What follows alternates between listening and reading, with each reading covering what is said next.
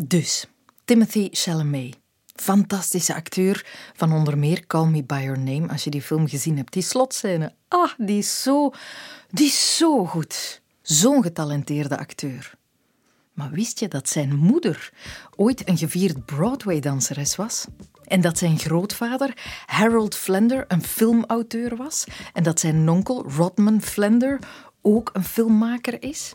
Drew Barrymore is de dochter van acteur John Drew Barrymore, die op zijn beurt zoon is van het acteurskoppel John Barrymore en Dolores Costello. En die is dan weer achternicht van Ethel en Lionel Barrymore, allebei beroemde acteurs in hun tijd. Alexander Skarsgård komt ook uit zo'n filmfamilie. Zijn vader is een celebrity in Zweden, Stellan Skarsgård. Als je het zo moet uitspreken, dat ben ik eigenlijk niet heel zeker. Hij heeft ook nog drie broers die acteren en één broer die model geworden is. Laila Moss, ook model, dochter van Kate Moss. Je hebt Gigi en Bella Hadid, allebei dochter van Jolanda Hadid, Nederlands model en televisiepersoonlijkheid. En Gigi en Bella die zijn dan weer goed bevriend met een paar van die Kardashians, die reality-tv-sterren, die dan afstammen, sommige van O.J. Simpson Simpson-advocaat Robert Kardashian, ofwel van tienkamprecordhouder Bruce Jenner, nu Caitlyn Marie Jenner. En zo kan ik nog wel even doorgaan met namen noemen van beroemdheden met andere beroemdheden als ouders. Die worden sinds kort op sociale media hashtag Nepo-babies genoemd. Nepotisme. Baby's, kinderen die volgens de online communities hun succes te danken hebben aan het succes en het netwerk van hun ouders. En dat vinden ze oké, zolang de beroemdheid in kwestie zijn of haar geprivilegeerde afkomst erkent. Maar oh wee, als zo'n beroemdheid in interviews met van die wolligheden komt aanzetten als Ah, just follow your dreams, man. It's all about being passionate and working hard and then you'll just get there. Want wat weten zij nu toch van het echte leven? We hebben niet allemaal de kans, de tijd, het geld om onze dromen te volgen, dikheid. En dan krijgen die celebs echt serieus onder hun vijs. Die worden ook soms gewoon publiekelijk uitgelachen, ten schande gemaakt. Een zeer interessant fenomeen dat ons recht de wereld van het nepotisme inleidt. Welkom in de wereld van Sophie.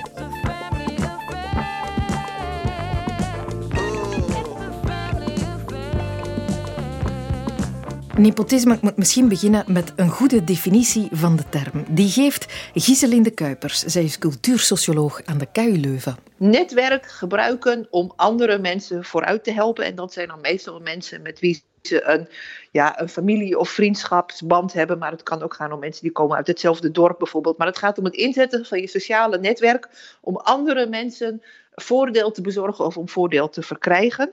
En sociologen noemen dat ook wel breder sociaal kapitaal. Dus het inzetten van, de, van alle netwerken, van alle mensen die je kent, om voordeel te behalen. Dus uh, geldelijk voordeel of toegang tot bepaalde omgevingen. Maar het is een beetje diffuus. Hè? Kijk, dat is ook waarom het. Kijk, nepotisme is een negatief woord. Dus negatief is, heeft een pejoratieve connotatie. Dus dat woord gebruik je als het gaat om vormen van voordeel die je te ver vindt gaan, of die onverdiend zijn, of die structureel zijn.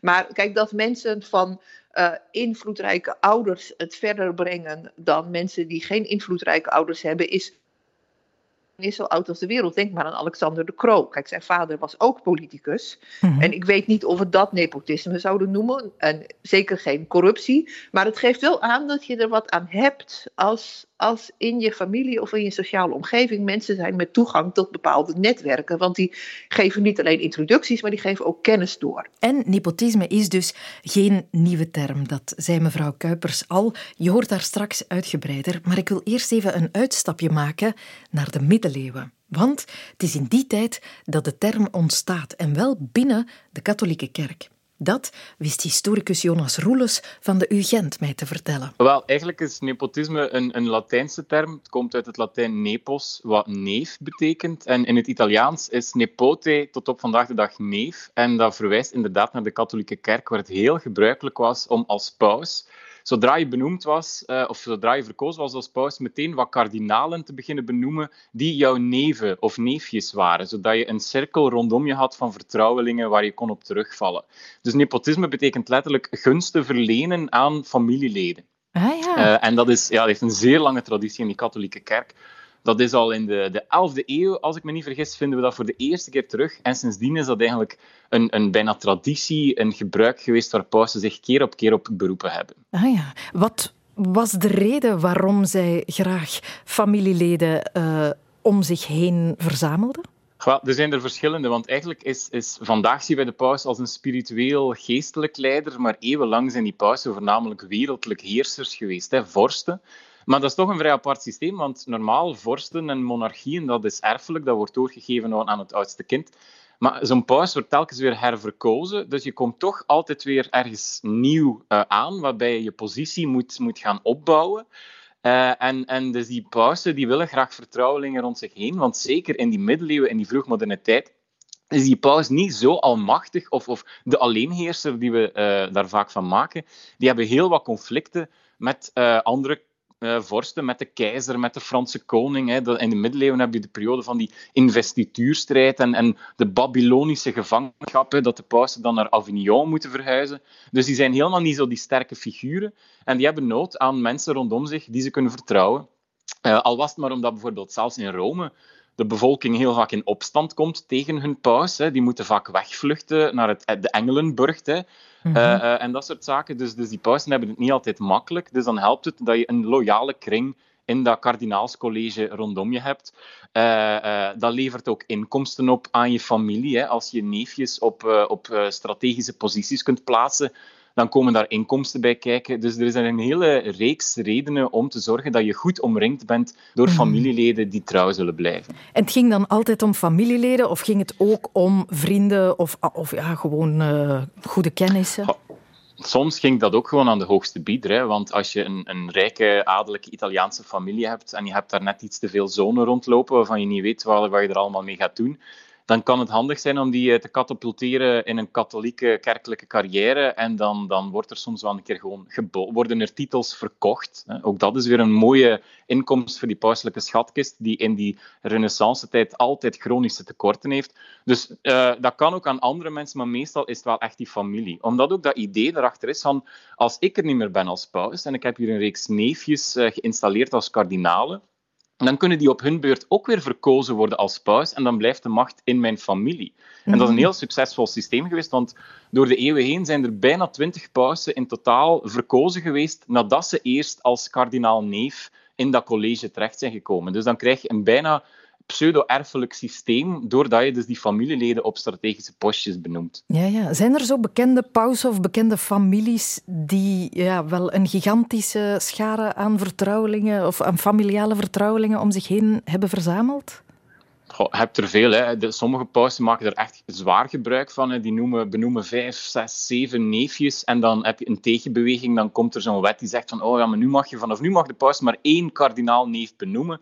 Maar daar wordt nooit echt naar geluisterd. En, en er zijn pausen die daar echt effectief de kantjes van afliepen.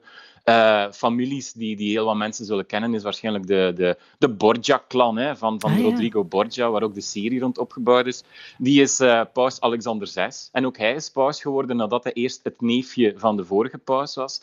Maar die, die um, heeft bijzonder weinig schijnen. Die zorgt er zelfs voor dat uh, zijn eigen zoon paus wordt, kardinaal wordt liever, Cesare Borgia. Paus worden uiteraard niet verondersteld om kinderen te hebben, maar in die 16e eeuw trekken ze zich daar bijzonder weinig van aan. En die Cesare wordt kardinaal. Ironisch genoeg tegen zijn eigen wil, want die man uh, beschouwt zichzelf als militair, wil zijn vader veel liever in het pauselijk leger dienen. Maar uh, uh, zijn vader heeft andere plannen voor hem uitgestippeld en hij moet een tijd lang het kardinaalsrood dragen. Maar men probeerde het dan, als ik u hoor, het wel in te dijken op een of andere manier. Men verzon wel wetten van mogen er maar maximum zoveel zijn. Ja er werd komt, wel bezwaar komt, Het komt in golven. Het komt in golven. Dus de ene moment is er een regel van het mag er maar één zijn, maar dan heb je weer een concilie waarin dat dan weer net aangeraden wordt of, of uh, dat dat echt positief is.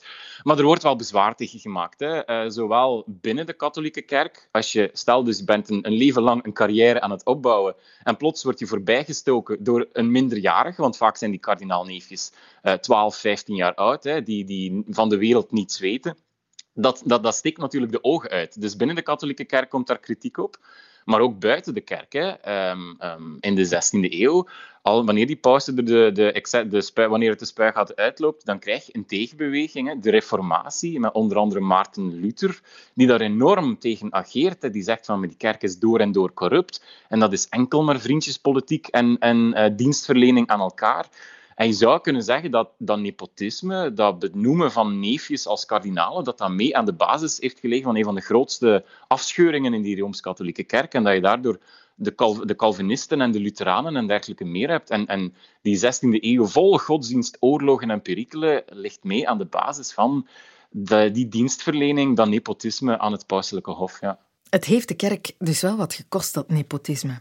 En dus is men het in de loop der eeuwen zoveel mogelijk gaan weren. Maar ondertussen leefde het natuurlijk wel gezellig verder in andere geledingen van de maatschappij. De bakkerszoon die de zaak overneemt, de dokter die zijn praktijk aan de dochter overlaat. En dus zijn er ook de showbizfiguren die het werk van hun showbizfiguur ouders gaan overnemen. De nepo-babies, zoals ze dan vandaag genoemd worden. Waarom struikelt men daar plots over? Wat is het probleem met mensen die in de voetsporen van hun ouders treden? de Kuipers. Ja, nou wat er, wat er eigenlijk speelt is dat in heel veel landen in de wereld, uh, en eigenlijk veel minder in België dan bijvoorbeeld in de Verenigde Staten, waar deze discussie speelt, ook in het Verenigd Koninkrijk, dat het zo is dat, dat de ongelijkheden tussen arm en rijk, dus tussen mensen met veel minder kapitaal, dat die heel erg sterk afnemen. Sorry, er kwam even iemand binnen die ik weg moest sturen. Ja, nee, geen probleem. Ja. Dus, uh, ik dacht ja, even dat, dat u omvergevallen was. Nee, dat, dat ook. Nee, er gebeurt hier van alles. ik heb eerst net een mok van mijn, van mijn uh, bureau af laten vallen. En toen kwam er iemand binnen die, denk ik, op die klap afkwam. Mijn excuses. Geen probleem. Maar het gaat om, het gaat om toenemende ongelijkheden die dus op heel veel plekken in de wereld dat we zien dat elites steeds geslotener worden. Dus dat de, verschillen tussen arm en rijk eigenlijk heel sterk toenemen. Uh, en dat zie je dus heel erg sterk in de Amerikaanse context, waar deze social media discussie over gaat. Waar dus elites eigenlijk steeds meer bezig zijn op allerlei verschillende manieren om de voordelen die zij hebben voor hun kinderen en voor de mensen in hun sociale omgeving te bewaren. En dan gaat het inderdaad om ja, uh, ja, kinderen van beroemdheden, die dus inderdaad op allerlei manieren door hun ouders geholpen worden. Niet alleen met toegang tot netwerken, dus dat noemen sociologen sociaal kapitaal, maar ook wat, met wat sociologen dan noemen cultureel kapitaal. Dus de, de kennis uh, die je hebt om je te weten bewegen in bepaalde omgevingen. En dat zie je inderdaad bij ja, de, de kinderen van Victoria Beckham of van nou ja, al die die we kennen, de kinderen van Zoe Kravitz, al die mensen. Die, is geen toeval dat die het in Hollywood zo goed maken. Of als, om, niet alleen omdat ze rijk zijn, maar ook omdat ze van jongs af aan geleerd hebben om zich op een bepaalde manier te bewegen. Ze kennen de verwijzingen, ze kunnen die juiste grapjes maken. Ze praten net op de goede manier. Ze kennen alle verwijzingen. En dat is heel erg belangrijk om het, om het te maken. Dus het gaat niet alleen om zeg maar puur manipulatie van netwerken, maar het gaat ook om veel subtielere processen, waardoor je je ergens thuis voelt en mhm. weet hoe je je moet gedragen en, of niet. En die processen die worden eigenlijk, ja, nu, nu de verschillen tussen arm en rijk steeds groter worden, en dat is in, ja, in, in het Verenigd Koninkrijk en in uh, de Verenigde Staten is dat heel extreem. Ik, dat, dat gaat heel hard. Je ziet er ontstaat daar echt een heel gesloten bovenlaag van mensen die inderdaad alle verschillende soorten vormen van kapitaal dus inzetten om zich af te sluiten van bovenlagen, waardoor het steeds moeilijker wordt om van beneden naar boven te komen. Ja. ja. en dan wordt dat dus op deze manier heel zichtbaar. Dus kijk, celebrities zijn natuurlijk ja, symbolen van een veel groter proces, dus van een veel groter maatschappelijk fenomeen, waar je dus op sociale media dan, ja, die, die kunnen worden uitgekozen en gepersonificeerd als voorbeeld van iets wat mensen overal in de samenleving zien. Ja, ja. En dus verlangt men nu dat je bijvoorbeeld over uh, Timothy Chalamet, dat je niet gewoon zegt een mhm. geweldig getalenteerde, maar eigenlijk ook geprivilegeerde acteur, dat, dat dat plaatje correct geschetst wordt of zo? Ja, nou, het is de vraag, ja, de vraag natuurlijk wat je daar moreel en politiek mee moet doen. En kijk, social media, social media, social media vragen dan dat mensen een soort van, ja, bijna een soort van bekentenis doen. Van ik mhm. begrijp dat ik het niet helemaal zelf heb gemaakt. En dan, daarmee moet het dan goed zijn. Maar er zijn natuurlijk andere, zeg maar, ook meer structurele oplossingen. Waarbij je dus zorgt dat elites open blijven. Dus dat zulke soort processen van sociale sluiting door sociaal kapitaal, cultureel kapitaal. En soms ook gewoon puur door, ja. Uh, fysieke afsluiting van gated communities, dat dat niet voorkomt. En de Europese oplossing, zou ik zeggen, is inderdaad om zorgen dat, dat elites open blijven. Dus bijvoorbeeld ook door allerlei vormen van sociale stijging mogelijk te maken. En die soort van de manier van ja, er openlijk voor uitkomen verandert natuurlijk niet zo heel veel, zou ik zeggen, aan zo'n proces. Ja, ja. Dus dat is meer een soort van dat je, dat, ja, dat je op sociale media door de knieën gaat en vergeving vraagt. Maar dat, ja, dat is natuurlijk, als socioloog zeg ik, ja, daar heeft niemand wat aan. Ja, maar dus eigenlijk gaat dit om een soort strijd voor sociale rechtvaardigheid. Ja, in feite is het, kijk, in feite is dat natuurlijk wel. Kijk, het gaat om een heel, het gaat om een veel, vraag die veel ouder is en groter is dan namelijk de vraag over de sociale ongelijkheid. En sociale ongelijkheden, die worden op allerlei verschillende manieren doorgegeven. Dus dat gaat via geld, economisch kapitaal, maar dat gaat ook via netwerken, sociaal kapitaal, dus wie je kent en waar je binnen kan komen. En het gaat over cultureel kapitaal. Dus wat je weet, hoe je je kan gedragen, hoe je op de juiste manier grapjes maakt, hoe je eruit ziet. En al die dingen zijn ongelijk verdeeld bij geboorte. Uh, en die, worden, ja, die hebben de neiging zich heel erg te versterken, omdat mensen hun kapitaal inzetten. Niet alleen voor zichzelf, maar ook voor hun kinderen, hun vrienden, hun familieleden. Dus dat is menselijk. En de vraag is eigenlijk wat je daar dan aan moet doen. En uh, hoe je daarmee om moet gaan. En daar zijn verschillende oplossingen voor. En de, ja, de Europese oplossing uh, sinds de Tweede Wereldoorlog is ja, in feite een verzorgingsstaat en een open stelsel van, uh, ja, waar, het, waar het dus eigenlijk steeds minder ligt aan wat je ouders deden, waar je zelf terecht komt in de samenleving. Bijvoorbeeld door onderwijs gratis te maken of door gezondheidszorg heel voor iedereen beschikbaar te maken. En dat, ja, dat is een ander model dan het Amerikaanse model van het sprookje van uh, iedereen maakt het zelf. En als dat sprookje niet deugt, dan moet je op sociale media zeggen: Sorry mensen dat ik bevoorrecht ben. En dan is het wel goed. Ja, ja, ja, dus er zijn verschillende manieren om daarmee om te gaan. Ja, ja het, is, uh, het is iets bijzonders. Hè. Je zal nu maar een van die Nepo-baby's zijn die nu zo aangevallen worden omwille van hun afkomst. Er speelt natuurlijk toch ook iets mee als talent, denk ik. En ja, sommige mensen nou die gewoon wel echt geschikt zijn voor wat ze doen.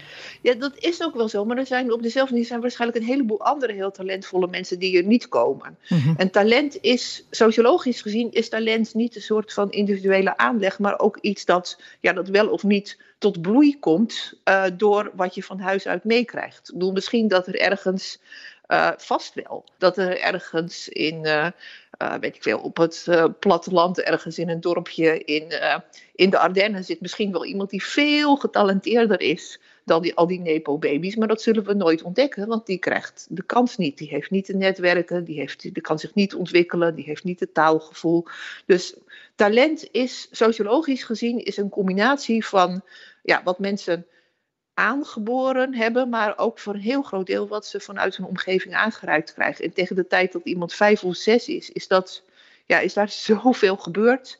Dat, ja, dus talent is, een, is, een sociaal, is de uitkomst van een sociaal proces, laat ik het zo zeggen. Dat is niet een soort van van God gegeven vonk. En het, ja, het soort van sprookje dat we daar graag over vertellen, is dat dat zo is. Maar zo werkt het natuurlijk niet. Je kan nog zo mhm. getalenteerd zijn, maar als je uh, niet de, dat als je niet op een plek komt waar dat ja, gezien kan worden, dan heb je daar niks en dan ontwikkelt het zich ook niet. Het ziet nieuw talent in de weg, of het kan dat in de weg zitten.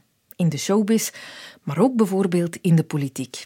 En het is nu heel opmerkelijk, als je even naar eh, Wikipedia gaat, naar de nepotism page, dan vind je daar een lijstje landen die bekend staan om nepotisme in de politiek. En wij staan daartussen. Echt? Omdat er zoveel politieke dynastieën bij ons bestaan. Want naast de familie De Croo, die mevrouw Kuiper zal vermelden, heb je ook nog de Tobaks, de De Guchts, de De de IJskes, de Van Rompuys, de Michels. Ze bestaan in alle partijen. Hoe komt dat, dat wij er zoveel hebben? En is dat problematisch? Dat vroeg ik aan wedstrijdjournalist Ivan de Vatter. Ja, ik, uh, ik weet niet of het verschillend is in, in andere landen. Um, het zal voor een stukje denk ik te maken hebben met dat België een relatief klein land is. En, en dat je dus recruteert uit een kleinere groep. Maar je zit echt wel met het fenomeen van nepo-babies in de politiek. En volgens mij is de belangrijkste reden dat je daar een soort uh, opgroeien in een milieu, net als zonen van vaders in andere beroepen, door het feit dat ze ondergedompeld raken in een bepaald milieu en in contact komen met dat bepaalde milieu, ook dezelfde weg van vader, moeder of zoon, dochter van vader, moeder opgaan. En dat je dus inderdaad met, met uh, ja, erfgenamen, erfenissen, bloedlijnen in de politiek uh, terechtkomt. En dat wordt niet altijd als positief beschouwd, uh, laat dat duidelijk zijn. Het is voor een stuk makkelijker voor zoon of dochter omdat je een familienaam erft. Uh, om door te breken. Dat speelt electoraal zeker een rol. Mm -hmm. Langs de andere kant moet je als zoon of dochter ook een voornaam verwerven. Um, om dat verschil te kunnen maken. Anders zit je een beetje in, in wat Axel Merks ooit uh, meemaakte, ook een familienaam.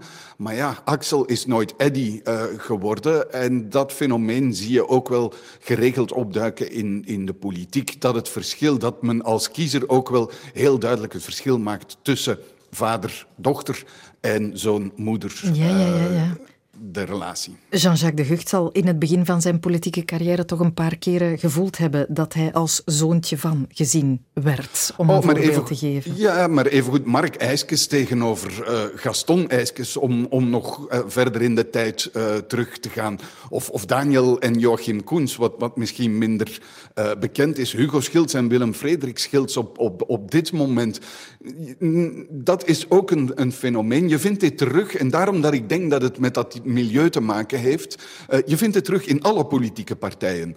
Um, het, is niet beperkt tot een uh, familie. Er wordt heel vaak naar, naar de Open VLD verwezen, omdat er daar wel wat namen zijn die ook een zekere bekendheid hebben gehad. De Kroo heb je opgesomd, de Gucht, uh, Patrick de Waal, met dan nog een nicht, Marleen van der Poorten, en een grootvader, Herman van, van der Poorten. Dus daar zit je echt wel bijna met een dynastie.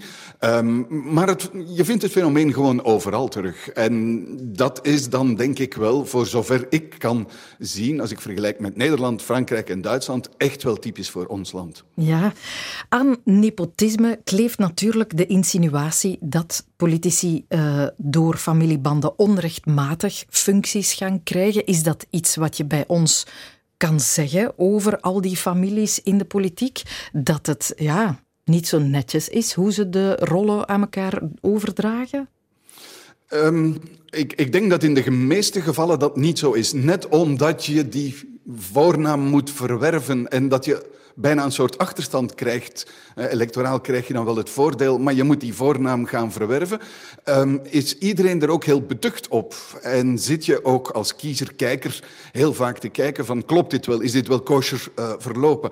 Dus wat dat betreft worden ze zal ik dan maar zeggen, extra in de gaten gehouden. Maar je zit toch wel met een aantal fenomenen. Um, meest recente, meest opvallende uh, is bijvoorbeeld de benoeming van de staatssecretaris uh, Mathieu Michel, mm -hmm. uh, broer van Charles Michel, zoon van Louis Michel. En daar kan je in mijn ogen echt wel de vraag stellen: um, is die persoon, Mathieu Michel, dan er echt op eigen verdiensten uh, gekomen? Of is daar vanuit het voorzitterschap, Georges-Louis Boucher, dan toch wel een zekere bedanking tegenover wat de clan Michel ooit voor hem heeft uh, betekend? En dan zit je toch in wat nepotisme zou kunnen betekenen. Uh, tweede, relatief recent voor.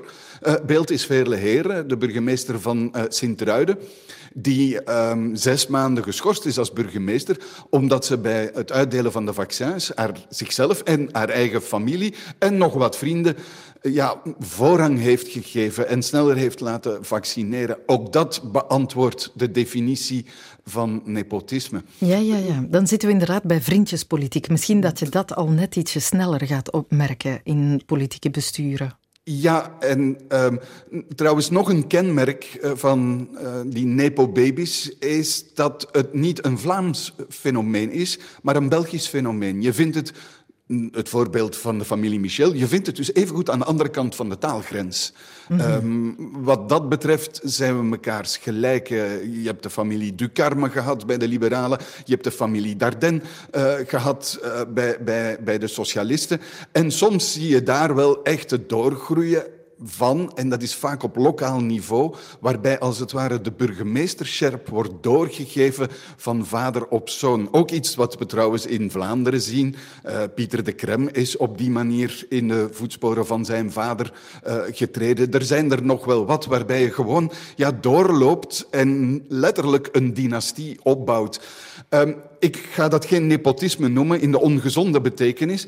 Maar ja, je kan je daar wel een, een, een soort vraag bij stellen. Is dat echt wel wat je zou willen in, in de politiek? Dat je letterlijk dynastieën aan het opbouwen bent. Moet je daar niet vanuit democratisch oogpunt ja, een soort uh, ja, frisse wind, andere namen, andere manier van functioneren doorjagen.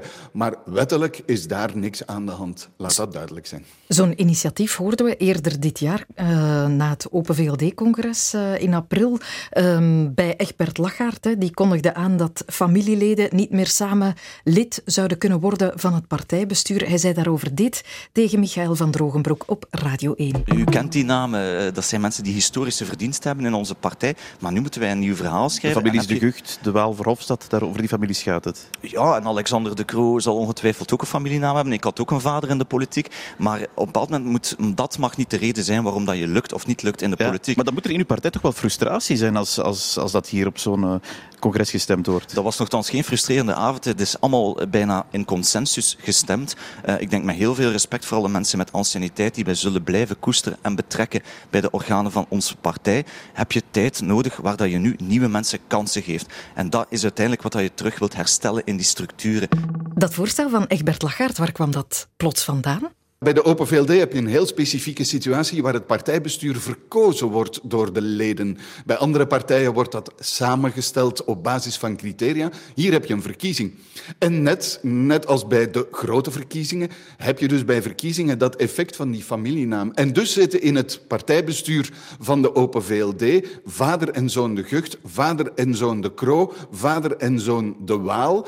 En dat geeft natuurlijk het idee van clans waar je mee te maken hebt. En het idee dat die twee wellicht nog los van ideologieën nog makkelijker zullen samenwerken dan andere leden van dat partijbestuur. En daar is vooral van jong VLD veel protest op gekomen met de vraag om daar iets aan te doen. Dat is op een congres goedgekeurd, maar langs de andere kant net die namen die ik opsomde, dus dat wil zeggen Karel de Gucht, um, Herman de Croo en Patrick de Waal, zitten sowieso al in het partijbestuur, zelfs al zijn ze niet verkozen, omdat ze uit het verleden uh, rechten hebben opgebouwd. Uh, dat heeft dan met de functies te maken die ze in het verleden hebben gehad. Dus het is een beetje een dode maatregel die daar is goedgekeurd op het congres. Want de clans zitten nog altijd in het partijbestuur bij Open.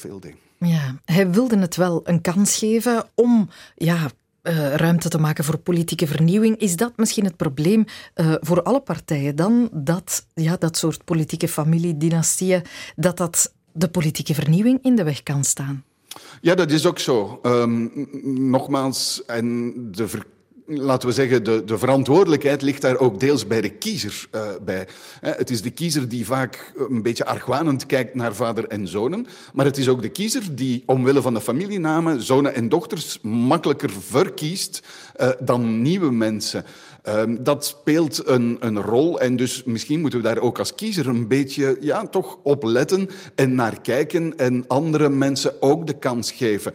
Maar ja, goed, iedere kiezer heeft één stem en doet daarmee wat hij eigenlijk wil. Um, je, je voelt dat dat echt wel een rol aan het spelen is bij vooral de traditionele partijen die al maar kleiner aan het worden zijn, daardoor ook al maar minder mensen naar parlementen kunnen sturen, waardoor de gevestigde waarden het makkelijker hebben om bij diegenen die nog overblijven verkozen te raken en het veel moeilijker wordt bij partijen die kleiner worden om nog door te breken. En dan wordt het dus echt wel moeilijk om ook nieuwe namen te lanceren en val je als het ware vanzelf terug op bekende namen, of dat dan nog familieleden zijn of niet. Ja.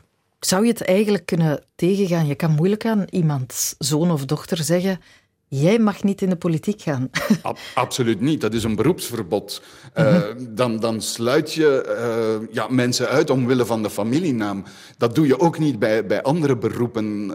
Um, en, en nogmaals, er kan ook een voordeel bij zijn. Uh, ja, de zoon van een loodgieter die ook loodgieter wordt, ga je misschien vanuit dat die ja, als jongeling wel gestolen heeft met de ogen en dus een goede en betere opleiding heeft gekregen. Dus misschien geldt dat ook wel uh, voor, voor politici. Dus dat zijn allemaal overwegingen die je bij dit fenomeen ziet. Ivan de Vadder maakt een terecht punt. Een bekende familienaam dragen, het heeft zijn voordelen, maar zeker ook zijn nadelen. Nicolas Cage is een goed voorbeeld. Die heet eigenlijk niet Nicolas Cage, die heet Nicolas Kim Coppola. Want Nicholas Nonkel is Francis Ford Coppola, de beroemde regisseur. Maar hij wilde als beginnend acteur niet het risico lopen om continu op zijn familiale banden aangesproken te worden, om van nepotisme beticht te worden.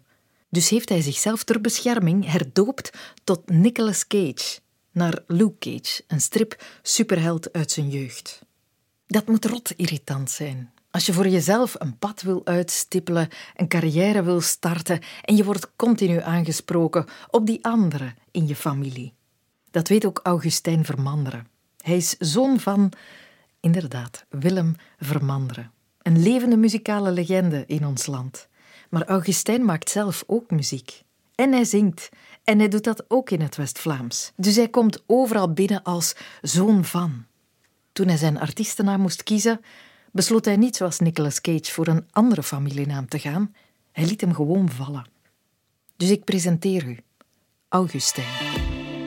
Augustijn, ik wou daarnet in de immense VRT-databank jouw telefoonnummer opzoeken. En dan botste ik op jouw fiche Vermanderen Augustijn. Mhm.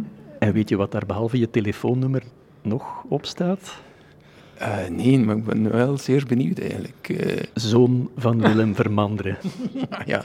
ja, het zal dan, uh, dan is het officieel. He. Dan is het wel, het zal het wel correct zijn. He. Ja, dat is zo het leven, alleen mijn leven. He. Ik ben opgegroeid als zoon van en ik ben dat nog altijd. Allee, ik ben daar ook wel trots op. Het is dat niet, maar dat, is, ja, dat is echt wel een een gegeven. Zo, van, als mensen zeggen van, ah, wie is dat? Ja, dat is Augustijn en dat is de zoon van... Ja. Dan begint het natuurlijk. Hè. Je begint dan ook liedjes te maken. En dan, eerst was het in het Engels en nu is het zelfs ook in het West-Vlaams.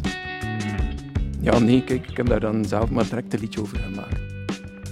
Zeg Julien, het hoort, de cliënt wil acteren.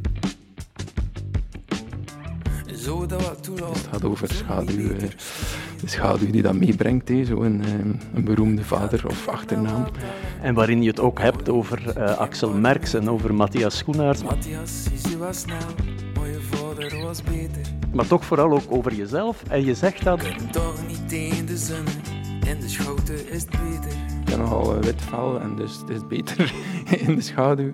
Maar ook... Um, ik omarm dat gewoon. Dus dat er een icoon, een icoon van een vader, die dan eh, eigenlijk, ja, als ik kijk naar al die liedjes dat hij heeft gemaakt, dat is, dat is eigenlijk schitterend. Allee, hij heeft dan onlangs weer een boek over, met al zijn liedjesteksten, denk ik van, mooi. Hij van zijn leven in de Westhoek passeert, door regen en noorderwinden. Keer domme in dit dat je hier passeert, de oorlog ga je hier weer vinden. Maar toch, Augustijn, op jouw plaat staat die familienaam niet, hè? Daar staat alleen Augustijn. Is dat dan puur omdat je nu eenmaal zo'n welluidende voornaam hebt ook, die op zich gewoon staat? Of zit daar toch meer achter? Ja, het is, het is waar. Allee, ik vind mijn naam Augustijn, die, die, zegt al veel. Allee, ik vind dat, ik ben heel content met die naam. Maar ja, de bewuste keuze om mijn familienaam niet te gebruiken is er wel. Het, is, het was een beetje een klein beetje toch die vooroordelen proberen weg te nemen. Hè, want uh, die zijn er altijd. Hè. Mensen uh, komen dan uh, naar je optreden of zo. En er zijn er veel die op, ja, op de achternaam of de familienaam zouden afkomen. Dus. Maar ja, het heeft voor- en nadelen. Hè. Inderdaad, er komt waarschijnlijk meer volk. En daarom gebruiken organisatoren dat ook soms, hè, zonder dat ik dat effectief of, of dat dat expliciet toelaat. Zo, dat ik zeg van ja, zetten ze toch mijn familienaam erbij. En dan komen er inderdaad mensen met, ja, met ideeën van, ah, misschien is het ik zijn vader. Maar eigenlijk ook het omgekeerde, dat ik onlangs nu eigenlijk ook wel besef dat, ze dan, dat er mensen niet afkomen daarom. Omdat Ah, ze ja. zoiets hebben van, ja, dat is waarschijnlijk niets voor mij, denken ze dan. En dan hoor ik zo, allee, dat is zo'n beetje een discussie dat je dat soms via via op eh, sociale media ziet. Iemand die antwoordt, goh, ja, nee, dat is waarschijnlijk niks voor mij. En dan antwoordt die iemand anders, ja, dat dacht ik ook eerst. En dan ben ik gaan kijken en bla bla bla. Ja, het snijdt aan twee kanten. Dus, ehm, en het is dan mijn, allee, vind ik, mijn taak om eh, ze te overtuigen. We staan nu luttele ogenblikken voor jij moet gaan optreden. Stel nu dat hier een presentator op het podium komt en die zegt: Dames en heren, uw aandacht voor de zoon van Willem Vermanderen. Ja, dat is al gebeurd natuurlijk. Echt? Ja, tuurlijk, tuurlijk. Ja, ik zeg het. En ik verwijt ze dat niet, want mensen staan daar niet bij stil. Zo. Het is van, ja, kijk, eh, eh, ja, ja, ze willen graag een verhaaltje rond u en, en dat is deel van mijn verhaal. Dus ik hoop dan alleen dat ze, dat ze blijven zitten en dat ze niet weglopen omdat ze iets tegen mijn vader hebben. Nee, dan, dan, dan denk ik van, dat zou het nadeel nu zijn. En het is wat dat is. Ja, dat, dat wat dat is. Zou je vader zeggen. Voilà. Wat vond je vader ervan dat je zijn en jouw familienaam wegliet op je plaat? Ik denk niet dat hij dat eigenlijk ooit eh, bewust eh, beseft heeft dat dat zo is. eh. ik weet wel dat hij daar wel mee in zit. Dat, dat hij soms zoiets zou hebben van... Ik hoop dat jullie daar niet veel last van hebben, eigenlijk, van een bekende vader. Ja, ik, maar dan... Dat is altijd via via dat we het te horen krijgen van mijn vader. Hè. Ja, dan, dat is echt, dan vertelt hij dat aan een neef of aan een, aan, een vriend van mij. Dat hij zo, hè, en heeft Augustijn er geen last van? Of, allee, zo, zo horen wij die dingen. Hij zal dat nooit zelf eh, tegen ons zeggen. Vermijdt hij dan ook om reclame te gaan maken? Want hij heeft natuurlijk misschien wel connecties die jij ook zou kunnen gebruiken. Ja, dat denken mensen dan altijd van. Allee, met de lange arm van je vader of hé, het netwerk van je vader. Maar Het valt tegen. ja, ja, is daar zo slecht in. En pas op, je moest het kunnen, zou hij het zeker doen. Want allee, is daar trots op wat, we mee bezig zijn. En dus, dus het enige dat hij al een keer gedaan heeft, is na, na een optreden van hemzelf, dat hij dan tegen de organisator durft zeggen van allee, hé, het is misschien een keer een plaats voor Augustijn ook. eh. Dus zover gaat het. Maar voor de rest, eh, nee, ja. Er was wel een keer een gesprek met de zoon van Van, van der Lonotte, hè, van Johan, maar dat is natuurlijk geen zanger, eh, maar die heeft ja, ook een beetje dezelfde problemen, of heel herkenbaar in zijn leven ook, dat er dan... Allee, en dat vond ik wel tof, omdat hij dan zei van, hey, Augustijn, je moet dat gewoon gebruiken, zegt hij. Eh, Dat heeft evenveel voordelen als nadelen, en vooral die nadelen te compenseren, gebruik dat gewoon, die naam. dacht, ja, oké. Vond het wel eh, oplucht, een soort opluchting van, allee, moet daar niet zo mee in zitten. maak daar geen ding van. En ik zei, ja, het is waar, kijk, voilà. Dus als ik het ooit ga kunnen gebruiken, ga ik het misschien doen. Ik weet niet hoe, maar... En nu zijn we er toch weer over bezig. ah, ja, voilà, kijk. Weet je wat? Ik zal op je fiche in de databank zanger erbij zetten. Ja, dat mag. Zanger, muzikant, ja, voilà, doe dat. Dank u wel. Een bekende familienaam. Het is niet altijd een cadeau. Dit was de wereld van Sophie over nepotisme. Heel erg fijn dat je luisterde.